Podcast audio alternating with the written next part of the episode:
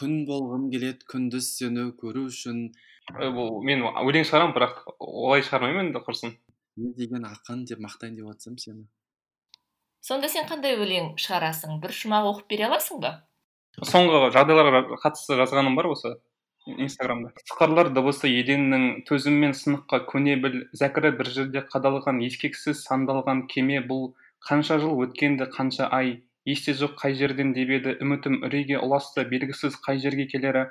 Капитан өзгерсін штурман компассыз бұратын кемені. Әй бірақ теңізші кәрілер юнгаға кезекті бере ме деп андай параллель жүргізген болатынмын кемелмен бір жүйені. Доғыл шапақтың несін дауысын қосып қоясың ғой айнель иә? Асеке айтсаңыз болды ғой. Сәлем достар. Бұл менің ой детокс подкастымның 13 үшінші эпизодының қонақтары медиа тренер асхат еркінбай және екеуміз осыдан бірнеше ай бұрын бірлесе ұйымдастырған дәлірек айтқанда асхат ұйымдастырған байқаудың жеңімпазы қазақ тілі мен әдебиетінің мұғалімі азат ысқақ. Бұл эпизодтың негізгі мақсаты байқау жеңімпазы азат ысқақпен тереңірек танысу болатын. Десек те әңгіме барысында біз факт чекинг медиа сауаттылық әлеуметтік желілердің біздің өміріміздегі рөлі туралы шынайы әңгімелесе білдік деп ойлаймын.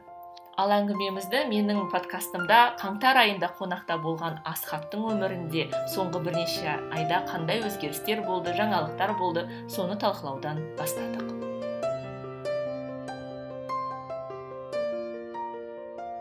Америкаға сапарым болды бір айлық ә, сол не бойынша ә, факт чекинг бойынша ә, медиа сауат бойынша ақпараттық сауат бойынша. Сол америкада ақпан айы бойы сол жақта болдық. Өте жақсы кездесулер болды. Біраз жоғары оқу орындарында болдық. Ә, тексаста болдық филадельфияда нью йоркта ә, вашингтонда. Жалпы осы ә, біздегі қазіргі өте маңызды болып жатқан мынау ақпараттың ә, дұрыс бұрыстығы туралы өте жақсы бір ғылыми ортада болып келдім. Сол өте ұнады келе салып одан кейін бізде пандемия басталды. Пандемия кезінде ә, осы тақырыптың өзектілігі арта түсті. Жалпы а, себебі адамдардың ә, бұған дейін жалпы көңіл көтеріп осы ақпаратты мейлінше немқұрайлы қарап ақпаратқа сөйтіп жүрген адамдардың өздерлігі өздері бұған зәруліктің қаншалықты ә, зәру екендігін анық ұқты. Әсіресе карантиннің бас кезесінде болар. Адамдар ә, әртүрлі нәрсеге сеніп ақпараттар ә, бірінен соң бірі тарап ә, мемлекет тарапынан оны тосқауыл қойылу үшін де әртүрлі шаралар ойластырылып жатыр әлі де ойластырылып жатыр. Ә, сол тақырып өзектілігі арта түсті. Сондықтан қазір көзім жетіп отыр. Себебі мынау карантин кезі бізді тұрақсыз жағдайдың өзін тұрақты етіп қабылдауға ә, үйретті. Қазір мен соған көндім. Менде қазір бұрынғыдай ә, тұрақтылық жоқ. Қазір бір тұрақсыз. Мысалы бір ай екі апта осылай келесі екі апта не болатынын білмейміз. Одан кейінгі екі апта не болатынын білмейміз. Осы бір ә, жағдайда мен қазір тұрақтылық деп қабылдау үшін сол өз өзіме соған сендіріп жатырмын және сол бір жаңа күйге бейімделіп жатырмын. Бұл пандемия жалпы біздің ә, екеуміздің осы ой детокс бойынша жоспарымызға да біраз өзгерістер енгізді. Себебі сен менің қонағым болғанда байқау жариялаған болатынсың және біз сол байқау жеңімпазын бірге анықтап сен кофеге шақырып мен кітап сыйлаймын сосын бірлескен эпизод жазамыз деген болатынбыз десек те енді барлық жағдайлар белгілі. Бұл шегеріле берді сенің сапарыңа байланысты сосын пандемияға байланысты. Міне біз көптен күткен байқау жеңімпазын анықтап алдық. Онымен танысудың да реті келіп отыр. Бұл азат ысқақ. Жалпы азатты сен де мен де танымайтын болып шықтық. Бұл өте қызық жағдай. Себебі мен азат байқаудың жауаптарын айтқанда асхаттың студенті шығар деп ойладым. Кейін сен маған айтып жатсың сенің танысың ба? деп. Азат ой детоксқа қош келдің және менің подкастым туралы қайдан естідің? Сіздің подкастыңызды қателеспесем алдыңғы жылы алдыңғы жылдан бастап тыңдай бастадым. Ұмытып қалдым қай эпизодтан бастағанымды. Ә, дегенмен сіздің подкастыңызды ыдыс жуып жатқан кезде тыңдағаным есімде тыңдайтын тыңдағалы бері ыдыс жуу қатты қиындық тудырмайтын болды ғой. Сол ә, алматыда ыдыс жуып жатқан кезде подкастыңызды тыңдап жауап беріп көрейінші деп жауап бергенбіз. Сөйтіп отырып кеттік байқамай. Иә айнель біз азатты ыыы жүзбе жүз кездеспеген болуымыз мүмкін. Ресми түрде енді бір сырттан бірдеңе кездескен шығармыз. Бірақ ыыы қазіргі цифрлы ыыы қоғамда жалпы бір ақпаратты екінші адамнан жасырып қалу өте қиын. Сондықтан азат туралы ә, мысалы біз білетін мәлімет оның тоғызыншы желтоқсанда туған екендігі қызылордалық екендігі багуда оқитындығы оның жаңағы әртүрлі жалпы әдебиетке жақын екендігі ыыы ислам дініне қатысты көзқарасы қызығатындығы мәдениет порталында жариялам жазбалары бар екендігі. Мен әлі құжаттарға сүңгіген жоқпын бірақ ыыы мен осы тақырыпты қазір бастағым келеді. Жалпы қазіргі цифрлық қоғамда адамның аты жөнін ә, туған күнін айын жылы білу арқылы жалпы азаттың ажат, азаттың аты жөні аталатын құжаттарды тауып шығаруға болады қазір ақ интернеттен. Ыыы қазір сондай бір қызық кезеңде өмір сүріп жатырмыз. Біз өзіміз туралы интернет бізден көп білетін ә, қоғамда өмір сүреміз. Сондықтан ыыы азаттың бір жолы болып тұрғаны ыыы екі аттасы бар екен және ол құрдас екен. Ақын азат бар екен және ақын дыққа қызығатын азат бар екен ә, бірақ біз қазір сол азатты анықтап отырмыз. Мен қазір твиттерін қарап отырмын. Ә, азат және әртүрлі аккаунтта әртүрлі тіркелген екен. Ә, скайпындағы аты басқаша инстаграмы басқаша есімін де жаңағы латынша кириллше әріптермен араластырып жазған екен. Бұл айтпағым қазіргі ыыы өткендегі біз тақырыптың жалғасы сол ә, цифрлы қоғамда адамның өзін идентификациялауы өте маңызды. Егер күнделікті өмірде біз тек бір ғана атпенен жүретін болсақ ә, цифрлы әлем бізге ә, әртүрлі платформада әртүрлі ат қолдануды ә, әртүрлі болмыста болуды болуға мүмкіндік береді. Бірақ бұл бір есептен басқа адамдардың сенімен қарым қатынас түзуіне кедергі келтіреді. Ә, себебі мысалы біз азат бір ізді болмағаннан кейін барлық жерде оны ә, бір типті тұлға ретінде онымен қарым жасау қиындау. Мәселен ә, мен оны жұмысқа қабылдайтын адам болатын болсам біз сөзсіз оны іздейміз иә? Мен іздеймін. Әлеуметтік желідегі суреттерін қараймын немен айналысады ортақ достарымыз бар ма жоқ па деген сияқты. Ал жаңағындай әртүрлі жерде әртүрлі тіркелетін цифрлы өмірі бір ізді емес сол үшін азатқа кеңесім ә, одан қорқудың қажеті жоқ. Біз бәріміз де интернетте бармыз біз туралы ақпарат бар.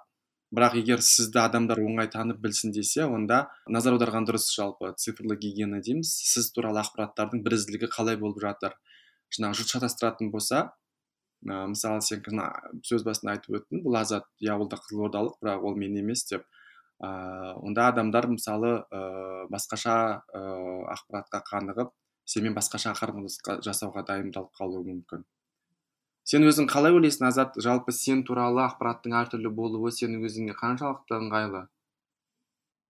Ә, шынымды айтсам ә, ақпараттың бірізділігі адамды бір шеңбердің ішінде ә, шеңбердің төңірегінде қоршап қоятын сияқты андай шаблонмен штамптарға қойып қойып осындай адам екен осындай типаждағы адам екен деген сияқты кімнің ыыы қабдеш жұмаділов айтпақшы. Типа бір типаждың ойында адам сияқты деп ойлап қалмас үшін ііі сонымен қатар өзімде ондай адам болмағаннан кейін сол табиғатыма сол нәрсе сай келген шығар деген ойдамын.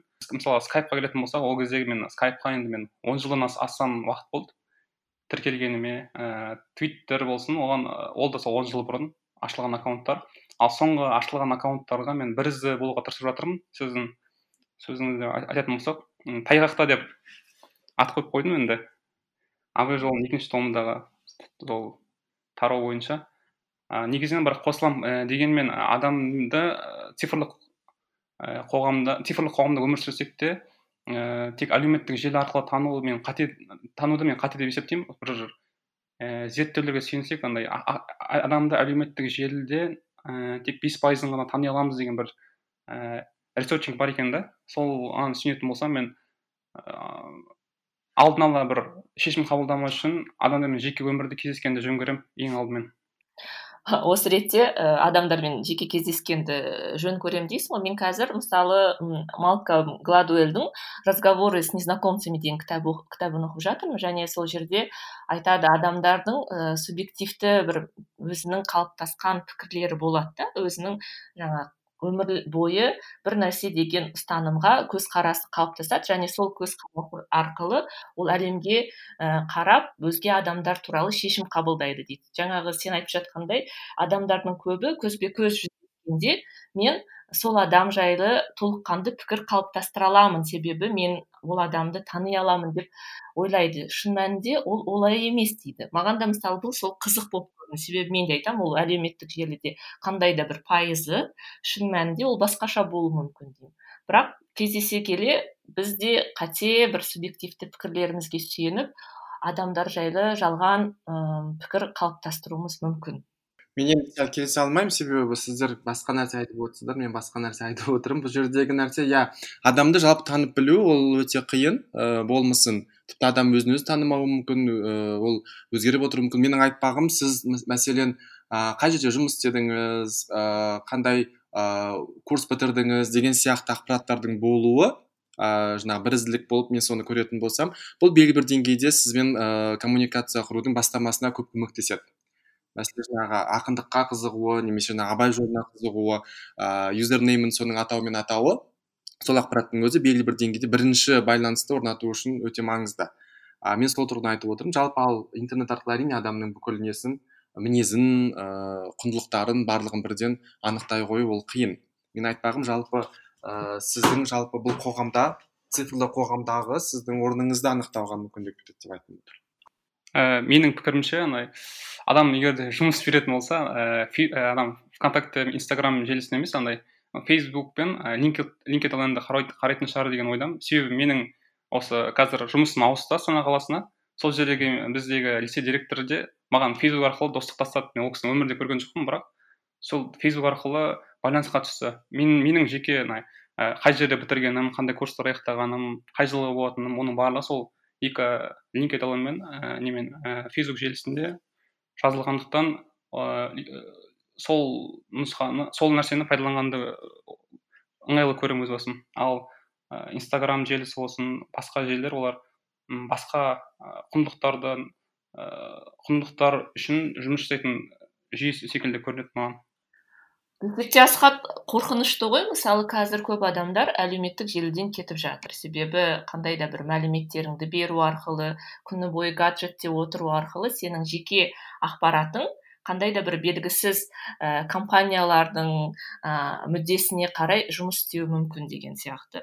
Мысалы мен де кейде өзім ііі пиар маманы болсам да жалпы енді менің жұмысым осы әлеуметтік желімен тікелей байланысты болса да кейде мен де өшіріп тас жауып кетіп қалғым келеді. Иә мен келісемін сен қорқынышты деген сөзіңмен бірақ ыыы бұл қорқыныштан құтылудың бір жолы біз енді оны жаңағындай бұл интернет ә, күн сияқты оны бір алақанмен жауып бұл жоқ деп ыыы біз ол жай маған көзім елестеп тұр деп айта алмаймыз.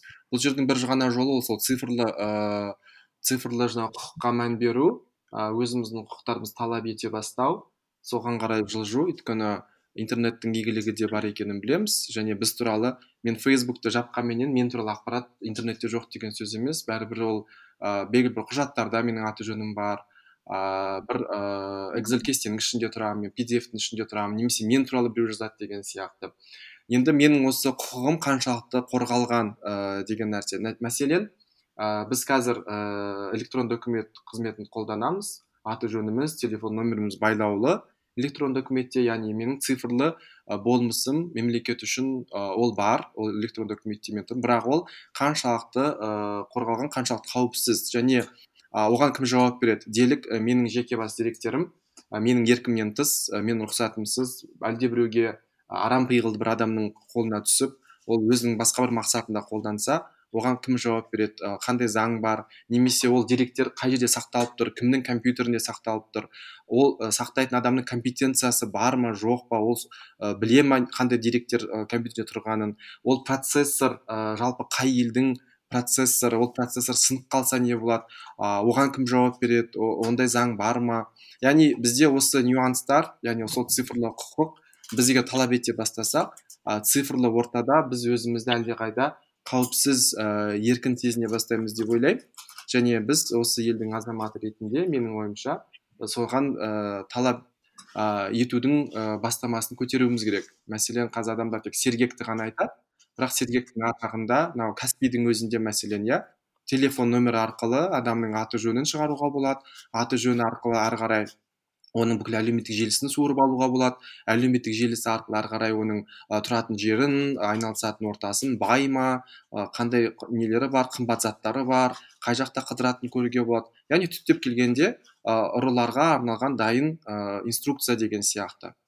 Бірақ енді бізде ә, заң немесе біздің осы цифрлы құқығымыз қаншалықты қорғалған дегенге мен қазір осыны өте қатты ойланып жүрмін.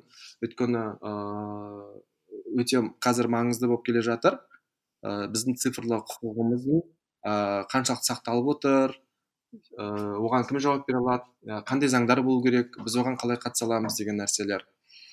Өйткені мен фейсбук қолданбаймын инстаграм қолданбаймын деп жай ғана одан бас тарта салу ол мәселені шешпейтін сияқты. Өйткені электронды үкімет маған ұнайды. Жаңағындай үйде отырып ақ қажетті ақпараттарыңды жаңағындай ә, ала бересің иә медициналық тіркеуден өтесің деген сияқты. Бірақ жаңағы таяқтың екінші ұшы ә, соған атсалысу керекпіз деп ойлаймын қазір. Сіздің пікіріңізге қосыламын негізі. Ой рахмет азат әйтеуір бір пікіріме қосылдың ғой әйтеуір.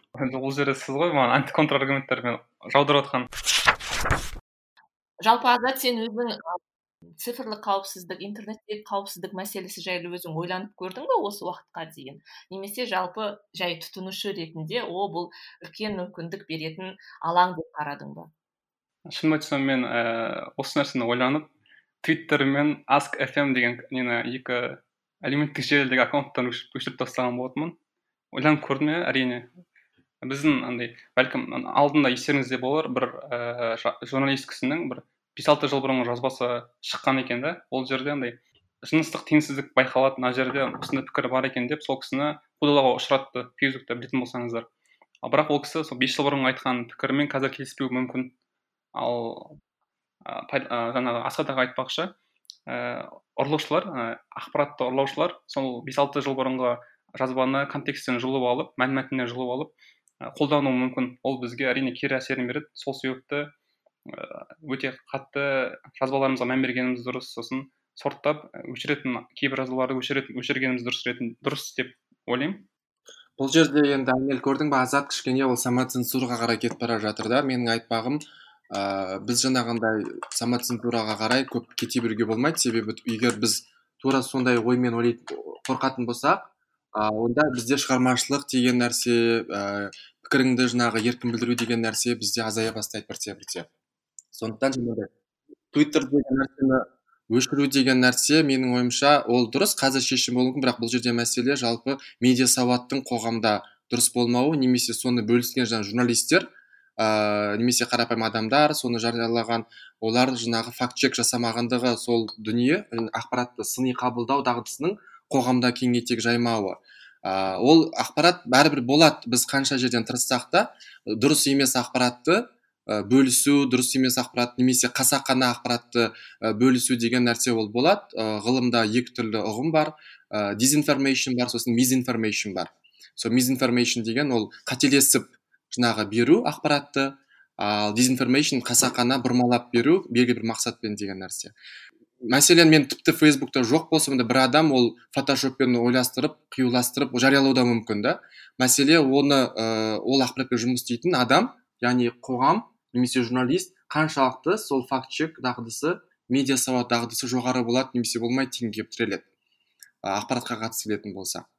Ал адамдар жаңағыдан қорқып қауіптеніп ә, жаңағындай өзінің пікірін айтудан бес жыл бұрын болсын он жыл бұрын болсын ә, қорқып қауіптеніп өшіре беретін болса менің ойымша бұл керісінше шығармашылыққа кері әсер ететін сияқты. Онда тұрған не бар адам бес жыл бұрын былай ойлады қазір олай ойлады деген нәрсе ол адамның болмысы онда тұрған ештеңе жоқ деп ойлаймын. Ә, сөзіңізді жалғастырып кетсем мына жерде енді самоцензура деп есептемеймін бұл нәрсені. Мысалы бағана айтқандай ә, бұрынғы суреттеріміз бізге қорқынышты болып көрінеді ғой. Немесе жаңағы өлең жазатын кісінің мысалы өлеңге қызығатын кісі де бір мектеп кезінде жазған жазбаларына қарайтын болса бір ұялып қалайды да мысалы мынаны мен жазғаным ба? деп өтеп жүретін көптеген кісілер бар мысалға бақыт мысалға ә, көп ондай кісілер ақындар жазушылар кітаптарын өтеп тастаған кісілер бар да. Ә, мен соны айтып тұрмын да мысалы мен бес алты жыл бұрынғы мен ультра консерватив болсам қазір мен либерал ә, либерал болдым деп айта, аламын да бір белгілі дәрежеде. Сол кейбір бұрынғы кездегі кейбір пікірлеріммен кейбір өзімдегі комплекс өзімдегі өзімді жеңе алмаған комплекстерімді сыртқа сырт сол сүзгімен қарап кейбір пікірді білдіруім ол сол уақыттағы азат үшін ол дұрыс дұрыс шығар. Бірақ қазіргі азат пен ол кездегі азаттың болмысы екі түрлі болғандықтан мен сол кездегі азаттың пікіріне қос, қосылмаймын. Сосын ол жазбаны жаңағы сіз мені ғаламтордан іздегеніңіз секілді ә, сол шығып қалмас үшін өшіріп өшіріп тастағанды жөн көремін. Айнель сен қалай ойлайсың? Өткен шақтан ұялу қажет па? Ә, мен үшін өткен шақтан ұялу қажет емес себебі сен адам болғаннан кейін өзгересің ғой. Бұл өзгерудің өсудің бір белгісі сияқты да. Бұл жерде мен азатты түсініп отырмын. Себебі бізде қоғам ә, кемшілікті кешірмейтін қоғам ғой бізде. Ұят алға ұстаған қоғамбыз ғой сондықтан ойбай бұрында бүйтіпті бүйтіп айтыпты деген сөзден де қорқатын сияқтымыз.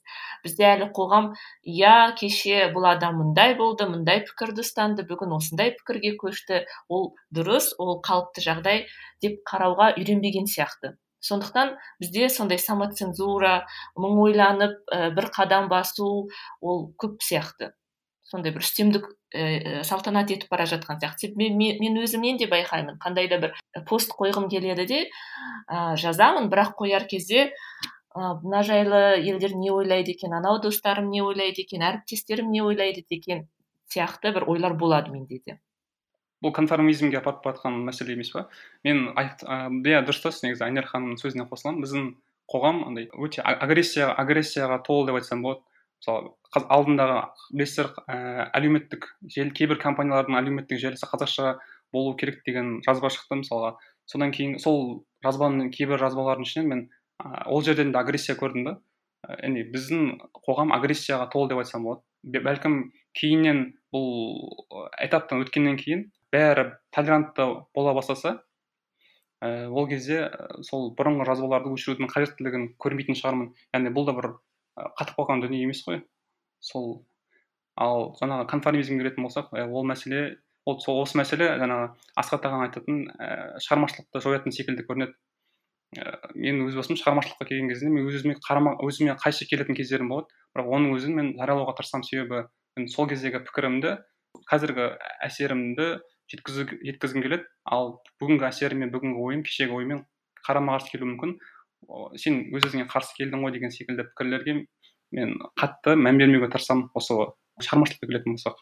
Бұл әсіресе жеке жауапкершілік ә, батылдық деген мәселелерді тудырады. Себебі сен өз сөзіңе өзің жауапты болып иә мен кезінде осылай ойлағам осылай істедім бірақ бүгінде көзқарасым өзгерді деген сияқты батылдық талап етеді. Ол кейде көбіміздің бойымыздан табылмай жатады.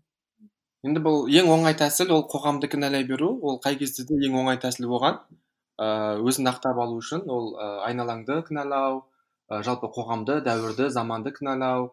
Ыыы ол қалыпты нәрсе. Ыыы мен жеке өз басым иә мен қоғамды кінәлаудан ыыы иә ол белгілі бір деңгейде бар. Жаңағы азат айтқан біз белгілі бір нәрседен өту керекпіз. Біз оны қашан өтіп қалатынымыз белгісіз. Бірақ әйтеуір біз өтіп келе жатырмыз әлі бір нәрседен түптеп келгенде ол ә, мен жаңа сауат дегенге келіп тоқтаймын. Ол мүмкіндігінше адам айналасын ә, сауатқа баулу өзі мысал ретінде өзін көрсету ә, содан қашпау. Сен айтпақшы жаңағы жауапкершілік деген нәрседен біздің ә, қоғамда ең жетіспейтін нәрсе айналамызда. ыыы ол жаңағы жауапкершілік. Бұл да сарқын шағы кеңес одағынан десе болады. Өйткені жауапкершілікті негізі тек жоғарғы бір лауазым иелері ә, солардың құзырында болды. Ал қарапайым ә, жұмыскерлерде ә, жауапкершілікті негізі мойынға алудан гөрі орындау функциясы болды.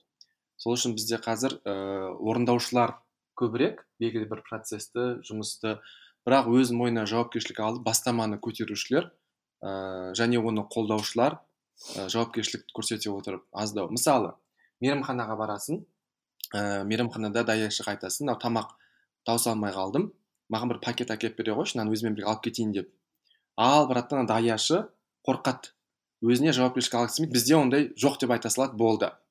Яғни түптеп келгенде оған еш қиын емес. Қой барып жаңағындай бір жерде бір бір салфетка бір пакет жатқан шығар иә бір соны алып келіп мінекей тап деп салып бере салса болады. Бірақ ол ол үшін қосымша жауапкершілік яғни ә, ондай қосымша жауапкершілік алып құрсын жаңағындай өйстіп алсам пакетке салып берсем сосын сөз естіп қап тағы да сосын жүрермін деген сияқты ойменен ә, қарапайым ғана бір өзі бір бастамашыл болып ә, соны мойнына алуға жасқанады өйткені кішкентай кезден болсын ә, ол нәрсе мектепте болсын бекен жауапкершілікті жаңағы бастамашыл бол деген қолдау оны білдіретіндер аз болған болуы мүмкін. Бізде жетіспейтін нәрсе бір бірімізді қолдау бір мысалы жаңа бастама бастап жатса ә, ол адам жауапкершілікпен бастап отыр ма онда соған қолдау білдіру. Жаңағы азаттың айтып отқан қазақша жаз деген бастамашыл топ.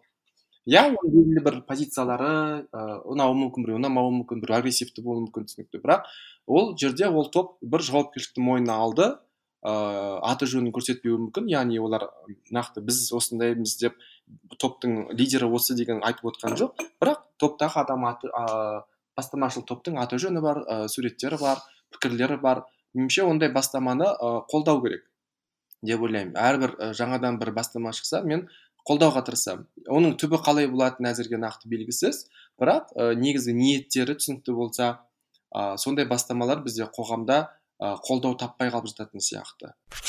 Ақпараттық сауаттылыққа қайтып келетін болсақ соңғы бес ай мен үшін де оңай тиген жоқ. Себебі жаңа асхат сен өзің айтып кеткендей ә, бұрында біз ақпаратқа жеңіл желпі қарасақ та қазір оның үлкен ә, қауіпті күшке айналуы мүмкін екендігін түсіндік. Себебі фейк ақпараттар көп жаулап кетті. Тіпті мені тағы бір таң қалдырғаны ә, менің шетелде тұратын құрбым бар ағылшынша жақсы біледі былай қарасаң иә көзі ашық ә, жақсы позицияда қызмет атқарады. Соның өзі мынау вирус жайлы. Самолет арқылы болды ғой бір ақпарат самолет арқылы шашып вирусты таратады екен деген соған сенетіндігін айтқанда және сол ақпарат маған ватсап арқылы жібергенде міне қара сенің еліңде не болып жатыр? Мен таң қалдым. тіл білетін ә, көзі ашық түрлі источниктерден түрлі көздерден ақпарат оқи алатын адамдар осындай ақпаратқа сеніп жатса өзгелер жайлы не айтуға болады деп. Иә айнель жаңағы неге байланысты ә, факт чек жалпы қазір көп бізде конференциялар онлайн өтіп жатыр. Сонда бір конференцияда айтылған бір ой ә, әсер етті маған. Ол мына факт чек ол, ол былшыл деген сөз бар. Яғни бұл далбаса факт чек деген. Ә, бұл қайдан шыққан пікір себебі факт чек мәселені шеше алмайды деген ә, тұжырым бар. Неге десең негізгі факт чек ол жалпылама жасалады.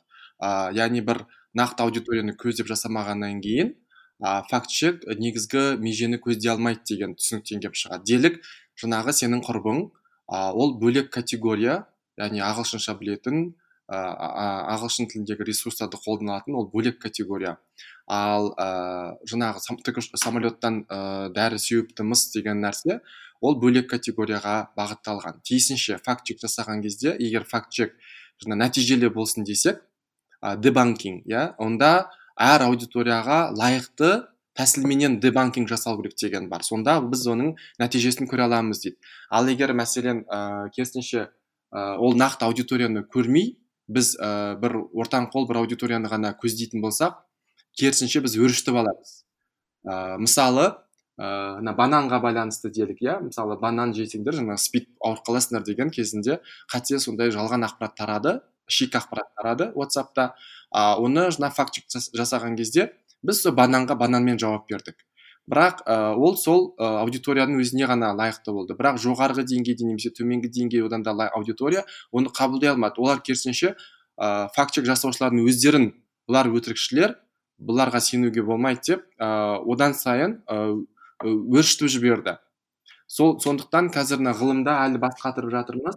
Жалпы факт чектің өзінің ә, қаншалықты тиімді екендігін себебі бұның тиімділігін анықтау өте қиын болып отыр.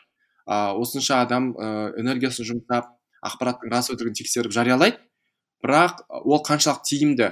Адамдар шынымен ол сол ә, факт чек көбейген сайын адамдардың сыни ойлауы шынымен көбейіп бара жатыр ма деген нәрсені біз жауап бере алмай отырмыз қазір. Ә, осыдан бұл тек қазақстан емес жалпы дүние жүзінде осыдан кеп ә, факт чектің факт чектен де гөрі біз басқа не істей аламыз деген сұраққа көп жауап іздеп жатыр. Бір жауап әрине ол ә, сауатты жаңағы медиа сауатты кішкентай кезден бастау. Медиа сауаттың ішіне IT сауат кіреді цифрлы сауат кіреді ә, жаңағы оқу жазудан бөлек ақпараттың дерек көзін салыстыра білу қабілеті кіреді тағысын тағы. Бүгінгі заманның адамына миына өте жүк көп өте көп түсіп отыр. Сондықтан енді біз әзір ыыы ә, медиа сауатын беретін кісілер әлі, әлі біз нақты тұжырымға келген жоқпыз бірақ бірте бірте сол көзқарас қазір шығып келе жатыр. Факт чек ә, бұл ә, біз ойлаған тиімді инструмент бола алмайды ау деген түсінік қазір ә, бізге көп келіп жатыр. Жаңа сенің құрбыңа қатысты айтқан ә, оқиғадан осы түсіп отыр есіме қазір. Ә, сіздің құрбыңыз менің білуімше ол x немесе y немесе ә, сондай бір дәуірдегі адам болып тұр ғой сонда. Қазіргі z қоғамда қазір постмодернизм дейміз ғой. Қазір қазір жас қоғам жас буындар немесе орта буынды кісілер барлық нәрсені сынға алып отырады ғой. Барлығын қате ретінде деструктивті бәр нәрсені ішек қарын ақтарып шығады да. Ә, қазіргі қоғам сондай болып бара жатқаннан кейін асхат аға айтпақшы әркімнің әр қоғамға сол кісілердің көзқарасымен сол кісілердің ойлау көкжиегімен жауап бере алатын кісілерді оқытқан жөн шығар бәлкім. Немесе сол кісілерді насихаттағанымыз насихат емес әрине. Осындай кісілер бар екен деп сол кісілерге демеу білдіріп отқанымыз жөн сияқты. Мәселен андай қазақ жаңағы ағылшынша білетін кісілерге басқаша бір саланы қарастырып немесе консервативті қоғамда өскендерге сондай бір кісілерді деген секілді.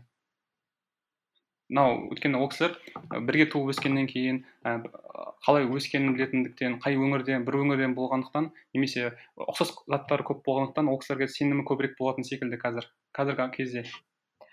Сонда азат сенің айтуың бойынша қазіргі жастар бәрібір де opinion лидер дейді ғой иә? Opinion мейкерлерге пікір қалыптастырушы немесе пікірге әсер етуші тұлғаларға әлі күнге зәру ғой иә сонда? Өз қандай да бір қорытынды жасай алмайды өзіне ұнайтын адамның пікіріне қосылуы мүмкін. Иә дұрыс бізде негізі есіңде болса айнель сол сұрақта жаңалық дегенге келіп тірелген. Жалпы жаңалық не үшін қажет деген сұрақ болған. Жаңалық бұл қоғамда ыыы жаңалықтану ғылымында біз негізінен үш себепті айтамыз дедік. Ыыы біріншісі ол жалпы ыыы болуы мүмкін қауіп қатердің алдын алдын біліп отыру үшін қажет жаңалық. Ыыы мәселен ертеңгі күн райы жаңағы табиғи апаттар деген сияқты. А екінші маңызды нәрсе ол жаңалық болмаса адамдардың қарым қатынас жасауы қиындайды. Сол үшін адам ескі нәрсені бір біріне айта берсе ол адам жақындастырмайды керісінше. Ыыы алыстатуы мүмкін. Ал жаңа нәрсені үнемі бір бірімен алмасып жаңа нәрсені бір біріне айтып отыру ол адамдарды жақындастырады. Ә, белгілі бір коммуникация құруға ә, дұрыс коммуникация құруға жемісті коммуникация құруға септеседі. Яғни жаңалықтың қажет болуының екінші себебі осында. Ал үшінші себеп ә, адам үнемі ә, бір типті ақпаратты тұтынып қана өмір сүре алмайды. Яғни біз тек бір ғана типті тағамды ғана тұтынып өмір сүре алмаймыз біздің ағзамызға әртүрлі ақпараттың алуандығы қажет. Сол үшін жаңалықтың да жаңағы әр алуан болуы ол біздің сол ақпараттық кеңістігімізді ортамызды ыыы хелси дейді ғой сондай қалыпта сақтап тұруға көмектеседі.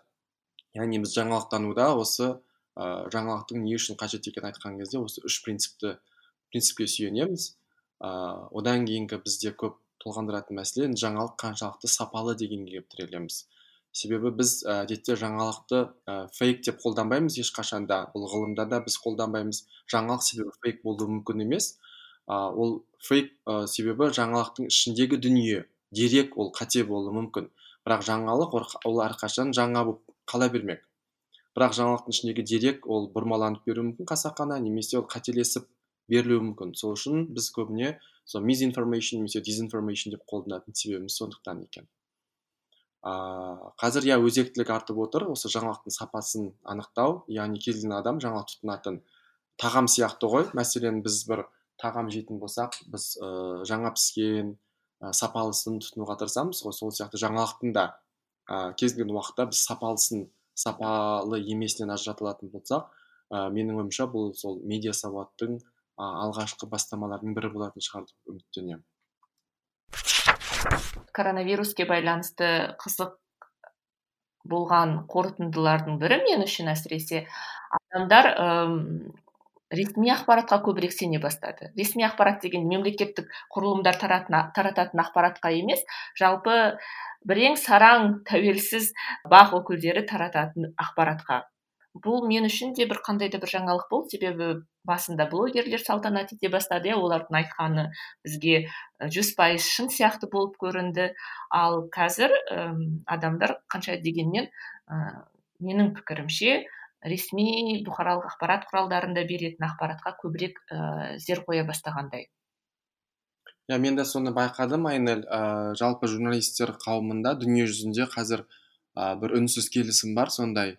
Иә біз журналист қауымы негізі мемлекеттің биліктің әсіресе осылай ә, авторитарлы режим немесе жұмсақ авторитаризмде сынап мінеп үнемі оны оятып отыруымыз керек деген принциппен жұмыс істейді деп айтамыз әдетте журналистер. Бірақ жалпы тұтас әлемге қауымға үлкен қауіп қатер төнген кезде яғни сен мен деп салғыласатын кез емес ә, біз бір бірімізді көмектесетін кез деген сондай үнсіз келісім бар журналистер ортасында. Сол себепті қазір жалпы бұл тенденция ә, осындай қауіпті әлемге қауіп төніп тұрған кезде бәріміз жаңағындай ресми ақпаратқа сүйенгеніміз дұрыс. Иә мемлекеттің барлығы айтқаны барлығы дұрыс дей алмаймыз. Мемлекеттің де ақпарат саясатында шикіліктері болуы мүмкін.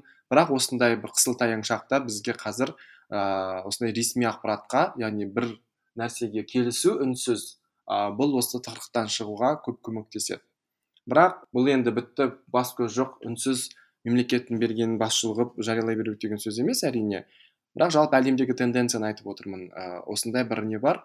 Жалпы тренерлер де барлығында айтатын осы әңгіме ә, қазір ә, мемлекетке де өте үлкен көмек керек. Ә, өйткені олар да қатты қиналып жатыр дағдарыста сондықтан журналистер де ә, осы кезде біз көмектесе алатынымызды көрсетуіміз қажет деген сондай бір ә, үнсіз бір сондай не бар ә, ереже бар десе болады.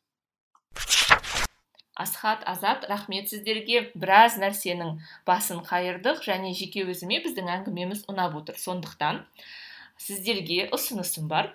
Араға екі ай салып тағы да кездесейік. Ол кезде нақты бір тақырып аясында әңгімелесеміз және осы уақыт аралығында өмірімізде болған өзгерістер туралы тағы да тыңдармандармен бөлісетін боламыз.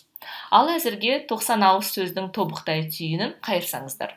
Жалпы азат сияқты бүгінде әдебиетке де ә, бейжай қарай алмайтын қоғамдағы өзгерістерге де бейжай қарай алмайтын ә, буынның бар екені өте қатты қуантады. Және ә, азаттың да алаңдаушылығы бар жалпы цифрлы қоғамда цифрлы ортада ә, қалай қалыптасамыз өзімізді қалай қалыптастырамыз деген нәрсе бұл да өте жақсы тақырып болды. Бүгін тек оның басын бастай алдық. Ақпараттық сауат сауатқа келетін болсақ ә, жалпы сауатты өте жіліктеп айтып жатқанымыз ұнады ақпараттық сауатты бөлек медиа сауатты бөлек цифрлы сауатты бөлек. Себебі ә, бұның әрқайсысы өз алдына жеке жеке концепция жеке жеке тақырып. Әрқайсысының жеке өзіндік бір ережелері бар кеңестері бар және бұның өзектілігі де үшеуміздің келіскеніміз пандемия кезінде өте қатты артып отыр. Ә, бұрынғыдай подкасттың өзінің жүзбе жүз кездесу емес осы ә, қашықтан отырып байланысып пікір алмасу бұл белгілі бір дәстүрге ене бастады. Және бұл қалыпты өмірдің бір бөлігіне ене бастады. Біз осыған келісіп отырмыз. Себебі шынайы өмірде цифрлы ортада келбетіміз басқа болғанменен ә, онлайн ортада адам сәл пәл өзін басқаша көрсету мүмкіндігі бар. Бұл да бір мүмкіндік деп ойлауымызға болады. Ә, сізбен біз келістік. Ә, екі айдан кейін бұйырса біз тағы кездесеміз. Ә, азат та болады ол кезде. Сөйтіп біз тағы да ары қарай нақты бір тақырыпқа қарай ойысып ә, нақты бір тақырып талқылай аламыз деп ойлаймын. Мүмкін оқырмандарың оған дейін бір сұрақтары болса азатқа немесе маған немесе саған ә, сол сұрақтардың ішінен де ең жақсы сұрақтарды іріктеп қарап көрсек болады. Мүмкін ә, ең жақсы сұрақ қойған адамды да эфирге шақырып екі айдан кейін мүмкін оны да ә, осында қонаққа шақырсақ болатын шығар. Сондықтан пікірлер күтейік аудиториядан. Осылайша асхаттың жеңіл қолымен ой детокс подкастының қауымдастығы құрылатын сияқты ғой. Жақсы көп рахмет. Азат саған да көп рахмет. Таныстығыма қуаныштымын. Ә, бұйырса екі айдан кейін ә, аман есен қауышайық мүмкін оған дейін де офлайн кездесіп бұйырса бір кофе кафеде бір жерде кездесіп те қалармыз сен кітабыңды берерсің мен кофемді ұсынармын азатқа. Ә, сол күнге жеткізген жазсын ә, аман сау болайық. Асхат мырзаның маған айтқан лебіздері үлкен жүктеме артып отыр. Бүгіннен бастап сондай кісі болуға ұмтылатын боламыз. Бүгінгі шығарылым барысында өзімдегі кейбір мәселелерге кейбір пікірлерге қайта бір сол пікірлерімді қайта бір қарап шығу мүмкіндігі туып отыр. Жалпы кез келген мәселені жан жақты қырынан талдай алатын болсақ ол мәселенің болмысын толық болмысын көре аламыз деп ойлаймын. Бәлкім бұл мәселенің болмысы толық ашылмаған да шығар дегенмен біз ашуға тырыстық. Тыңдармандарға да үлкен алғыс айтамын. Себебі осыншама уақыт бойы мына менің дауысыма төзе білу үлкен қажыр қайрат талап етеді. Келесі шығарылымға дейін аман есен болайық. Сау болыңыздар.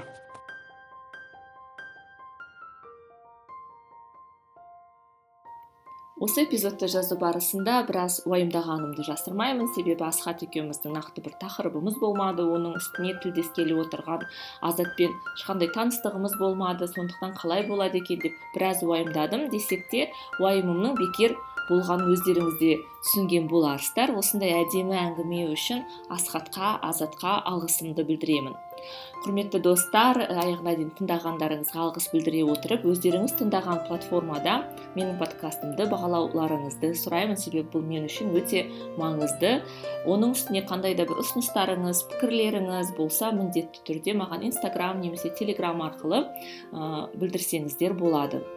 Сондай ақ асхат айтпақшы өздеріңізден сұрақтар күтеміз маған асхатқа немесе азатқа оларға келесі эпизодтарымызда бірлесе жазған жауап беруге тырысамыз. Осымен ой детокстың он үшінші эпизоды тәмамдалды. Менімен болғандарыңызға және жалпы болып келе жатқандарыңызға көптен көп мың алғыс. Аман есен келесі эпизодтарда жүздескенше.